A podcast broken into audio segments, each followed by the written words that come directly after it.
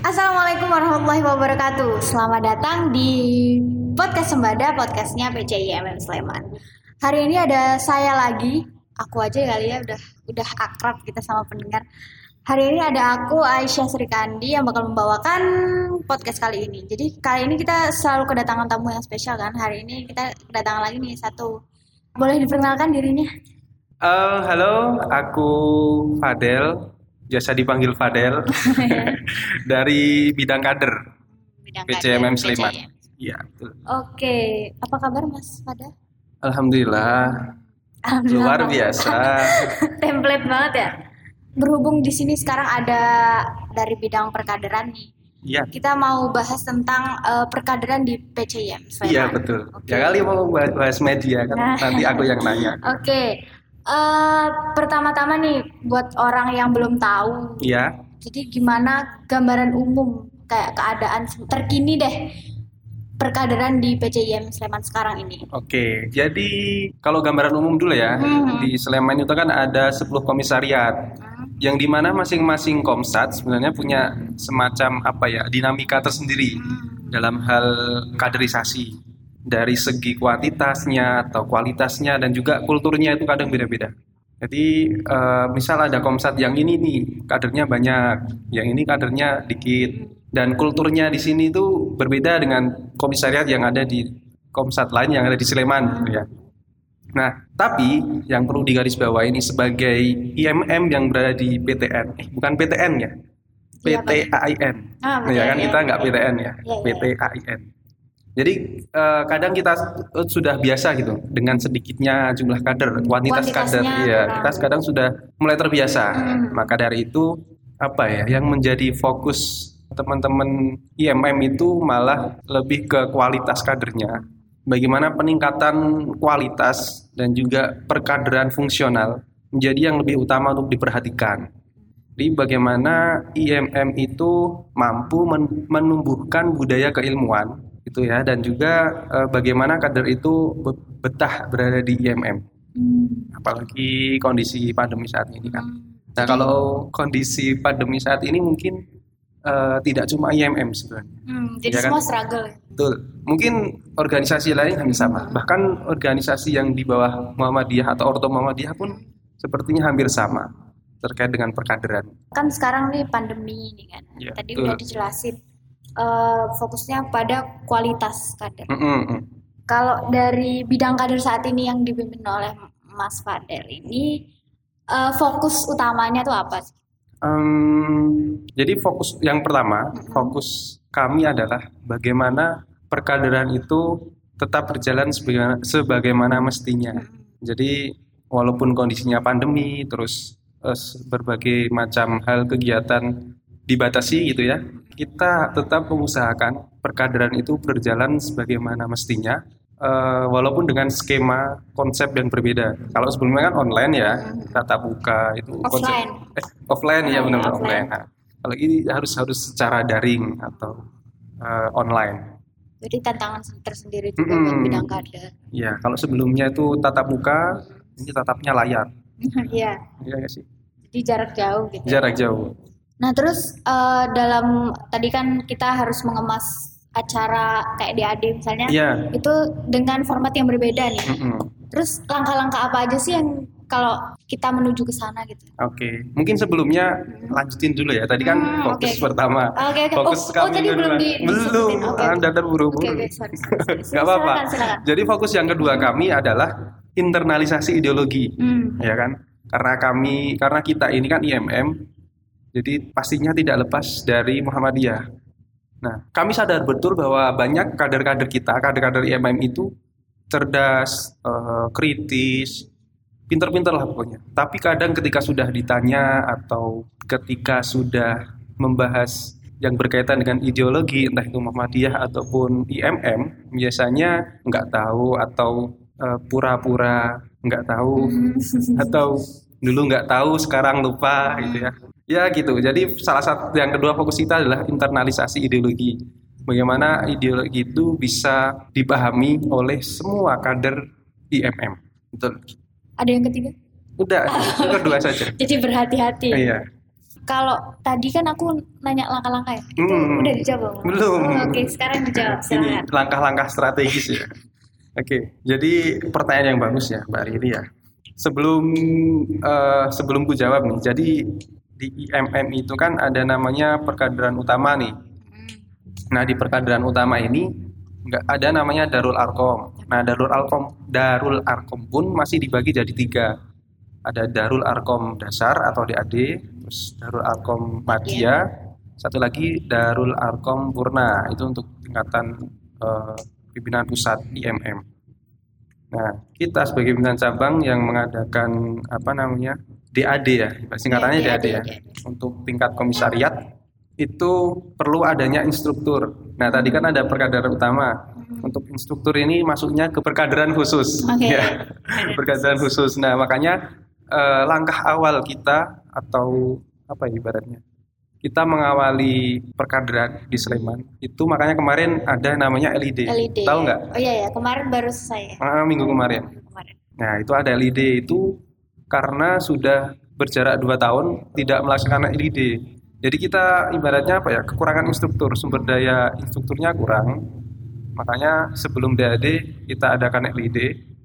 Jadi sebelum DAD ini kita udah siap sama instrukturnya. Nah, itu untuk nantinya setelah LID ini eh, ada instruktur yang untuk mend-DAD kader-kader baru. Eh, tahun lalu nih kan bicara soal pandemi kan. Mm-mm, betul. mulai pandemi kemarin ta- tahun lalu tuh kita nggak sempet mengadakan eh, DAD yang tadi satu komisariat satu DAD gitu. Ah. Jadi DAD diadakanlah DAD Akbar. Oh iya tahu tuh ingat Nah, tahun DAD lalu. DAD Akbar tahun lalu. Nah itu gimana dan apa-apa akan dilang apa dilakukan lagi di tahun ini gitu. Hmm, Mengingat pandeminya belum selesai. Oke, sebenarnya waktu dulu ya itu Hmm. kan eh, sempat ada beberapa komsat yang sudah melaksanakan DAD Hmm, karena iya. kondisinya masih offline. Di Tapi awal tahun. iya awal-awal tahun. Tapi ternyata tidak disangka, tidak dikira, gitu ya.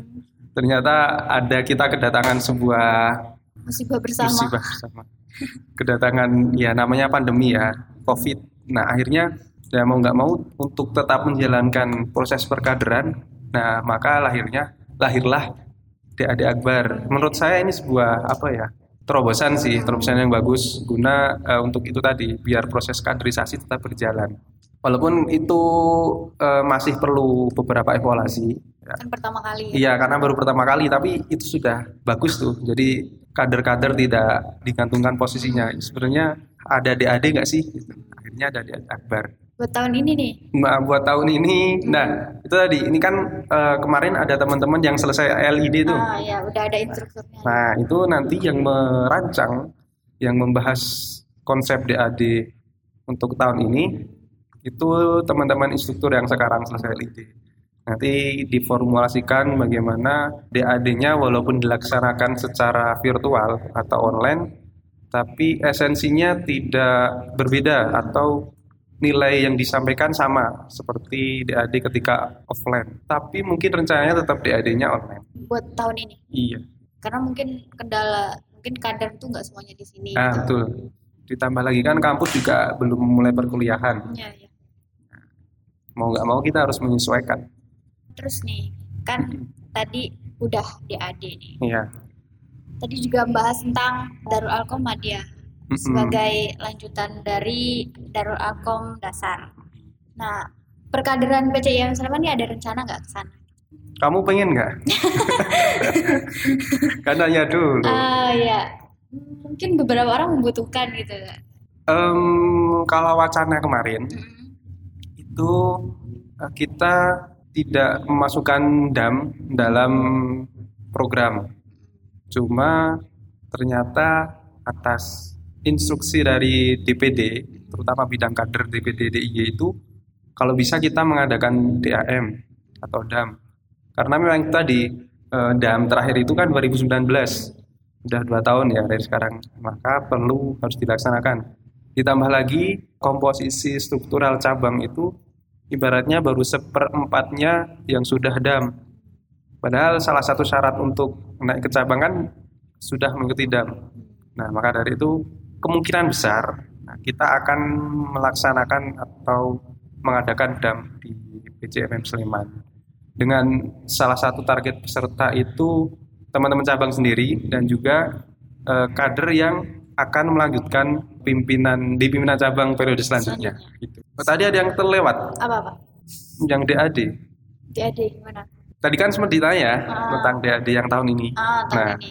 baru ini kepikiran. Jadi rencana kami memang DAD-nya dilaksanakan dua kali. Hmm, DAD Dalam- Akbar berarti. Eh, eh, dalam satu periode kita melaksa- melaksanakan dua DAD. Biasanya kan satu periode satu DAD. Hmm, Nah, kita melaksanakan dua DAD. Kenapa? Karena dalam tujuannya untuk merapikan sistem perkaderan itu tadi. Biar misalnya nih eh, tahun 2022 yang di DAD ya kader 2022 Eh, dan selanjutnya. Saat ini kan besok yang mau DAD baru kader 2020 nih. hmm, iya, iya. Ya, jadi sekaligus mau kader 2021 biar nanti ke depannya bisa rapi. Ya, kader 2022 yang di DAD ya di tahun 2022 selanjutnya Jadi ritmenya tetap Mm-mm, berjalan betul. seperti dulu dulu. gitu. biar rapi. Oke. Terakhirnya ada pertanyaan dari kader-kader nih yang masuk. Oke, boleh. boleh. Jadi eh, ada yang nanya. Tadi sebenarnya udah disinggung, Mm-mm, tapi ada yang apa-apa. nih. DAD kader 2020 nih kapan dilaksanakan? Nah, ini beberapa sebenarnya udah banyak ya pertanyaannya seperti ini. Mas, kapan sih di kader 2020 dilaksanakan? 2021 ya? Iya. Kadernya kan 2020. Oh iya, oh iya, kader 2020. Oke. Nah, makanya. sorry, sorry. Eh, makanya ini kan makanya tadi perlu DAD dua kali untuk merapikan yang pertama. Yang kedua ketika ditanya kapan sebenarnya sudah sempat terjawab. Mungkin eh, mungkin apa ya? Mungkin belum belum dipahami secara ini ya keseluruhan. Jadi makanya yang pertama tadi kan kita adakan LED. Mungkin kalau secara eh, waktu konkretnya Juni adalah eh, untuk apa namanya eh, follow up ibaratnya follow up dari kegiatan LED kemarin. Nah untuk DAD kami rancang itu bulan Juli dan juga Agustus itu untuk DAD. Nah maka semoga eh, tidak ada halang melintang Iya. Nah, sehingga untuk untuk DAD Juli bisa terlaksanakan. Amin. Amin. Untuk kader 2020. Oh, untuk kader 2020. Eh, terus ada pertanyaan lagi kedua. Eh, katanya apa kelanjutan dari LED yang udah dilaksanakan kemarin?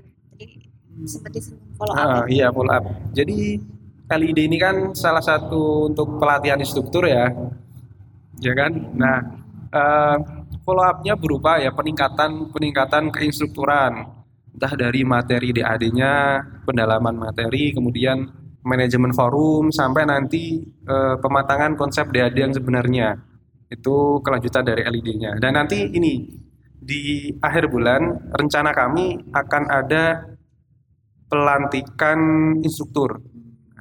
Kalau kemarin kan belum ada nih pelantikan instruktur. Nah, ini setelah LED nanti kita akan calon instruktur ini akan dilantik jadi instruktur. Itu di bulan ini. Hmm, akhir Juni. Oh, itu aja sih kayaknya dua pertanyaan aja dari Ah. Eh, dari- kayaknya udah cukup udah. menjawab dari Mas Fadel Oke, dari pertanyaan-pertanyaan kader. Oke, tadi udah bahas dari DAD Mm-mm. sampai DAM sampai LED ya. Iya. Udah lengkap banget. Jadi teman-teman buat yang apa namanya menanyakan DAD bakal dilaksanakan dalam waktu dekat. Ya. Jadi stay persiapkan dirimu. tune. Ya, stay tune terus Iya. lah pokoknya. Kasih. kadernya juga. Iya. Terima kasih banget Hmm, udah sama-sama. menjawab pertanyaan kami dan Iya. kader. Iya, Ya. sama-sama Mbak Riri. Iya, jadi hari ini udah paket lengkap lah Iya. ditanyain. Terima kasih buat yang dengerin juga sudah dengerin sampai akhir. Mhm. Eh, Mas Fadel mohon pamit dan saya juga mohon pamit. Iya. Iya. Terima kasih atas Iya, waktunya. Terima kasih atas waktunya. Terima kasih. Ayo bareng-bareng. Satu, dua, tiga. Assalamualaikum warahmatullahi wabarakatuh.